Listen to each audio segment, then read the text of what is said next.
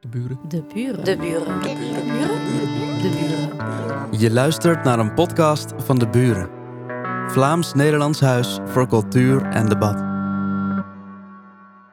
De volgende persoon die ik mag aankondigen, ehm ze kwam hier toe voor de eerste dag. En eh, ik stak haar de hand uit en dacht, eh, hey, ik ben Sakina. En zij zegt, hey, ik ben Shatitu en ik ken jou al. Ik dacht, wow. Huh? We hebben blijkbaar samen orthopedagogie, orthopedagogie gestudeerd.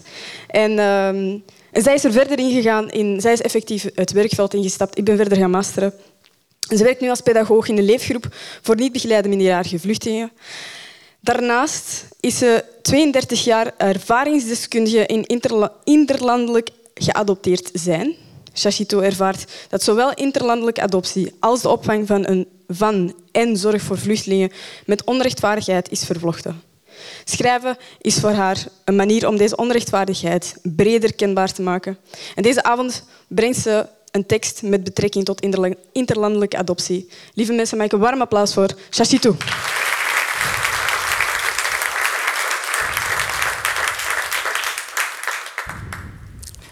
Je bent op straat achtergelaten omdat jouw mama niet voor jou kon zorgen.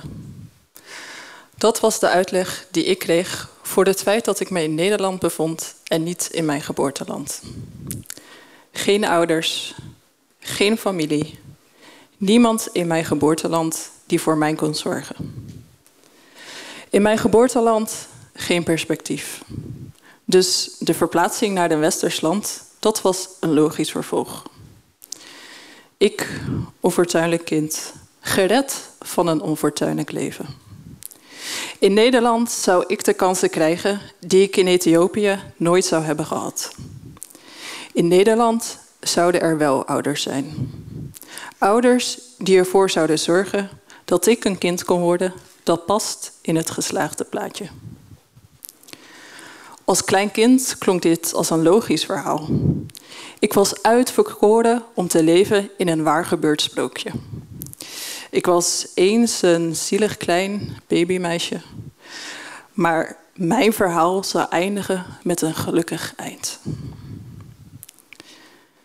Ik denk aan dit begin van mijn leven wanneer ik in de zaal zit als Chiara Kandale haar proefschrift verdedigt.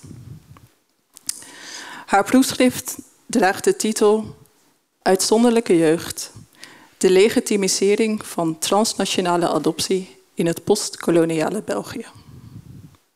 Uitzonderlijke jeugd. Het zijn twee woorden die Chiara op een rake manier met elkaar verbindt.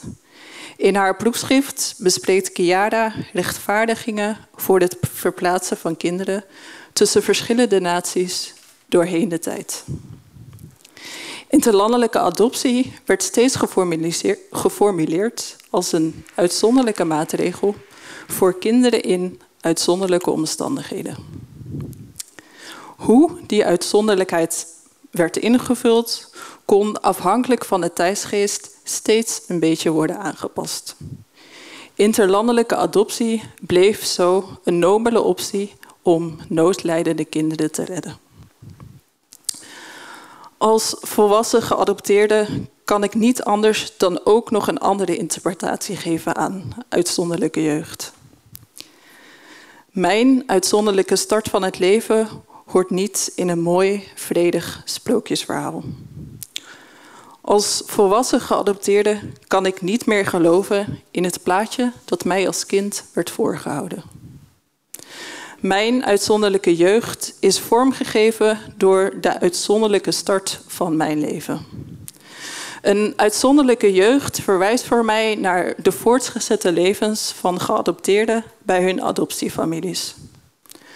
Voortgezette levens waarbij geadopteerden de boodschap krijgen dat ze hun leven bij hun eerste ouders achter zich moeten laten. Voortgezette levens waarbij geadopteerden zich enkel, enkel mogen focussen op de mogelijkheden die voor hen liggen. Geadopteerden hebben de taak om het fabelachtig sprookje dat interlandelijke adoptie heet voor te zetten. Daarbij moeten geadopteerden met lichtheid en gratie omgaan met de uitzonderlijke omstandigheden van hun levens in hun geboorteland.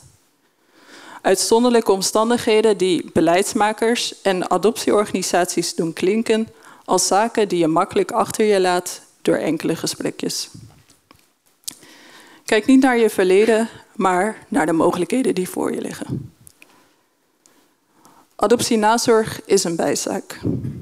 De focus op eerste families nog veel meer. In de jeugdzorg is er steeds meer aandacht voor het behouden en het betrekken van de biologische familie. Geadopteerden moeten zich echter troosten met het idee dat ze zonder biologische familie beter af zijn. Interlandelijke adoptie, het wordt verkocht als een sprookje met een onbetwist gelukkig eind. Terwijl wij onze uitzonderlijke levens moeten uitbouwen vanuit de volgende uitzonderlijke omstandigheden. In het beste geval zijn wij onze levens begonnen met eerste ouders die van ons hielden, maar niet in staat waren om voor ons te zorgen. In het beste geval zijn we als bewuste, liefdevolle keuze afgestaan aan een adoptieorganisatie. Omdat eerste ouders ons een toekomst wensten met meer kansen dan die zij ooit hebben gehad. In het slechtste geval zijn we gestolen van onze eerste ouders. Onze eerste ouders die onszelf een liefdevol thuis hadden willen geven. Maar die op het verkeerde moment op de verkeerde plek waren. En die ons verloren aan harteloze en geldruikende mensen. In het slechtste geval konden onze eerste ouders even niet voor ons zorgen en brachten ons tijdelijk naar een kinderthuis. Toen zij wel weer voor ons konden zorgen en ons terugkwamen ophalen, waren wij verdwenen. Maar in ieder geval zijn we weggehaald van eerste moeders die ons negen maanden in hun buik hebben gedragen. In ieder geval zijn we weggehaald van de eerste ouders waardan we ons hadden kunnen spiegelen om herkenning te vinden in onze uiterlijkheden en onze gedragingen. In ieder geval zijn we weggehaald uit een gemeenschap die we blijvend voor 100% in ons dragen, maar waar we nooit meer 100% deel van kunnen uitmaken. In ieder geval verloren we onze taal, onze cultuur, onze geschiedenis. In ieder geval zullen we voortleven met de eeuwige strijd om deze uitzonderlijke omstandigheden een plaats te geven in ons huidig uitzonderlijk leven. Dank wel.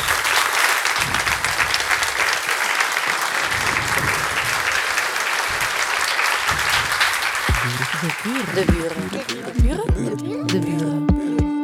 Je luisterde naar een podcast van De Buren. Vlaams-Nederlands Huis voor Cultuur en Debat. Benieuwd naar meer? Luister ook naar onze andere verhalen en registraties. En ontdek ons podiumprogramma op deburen.eu.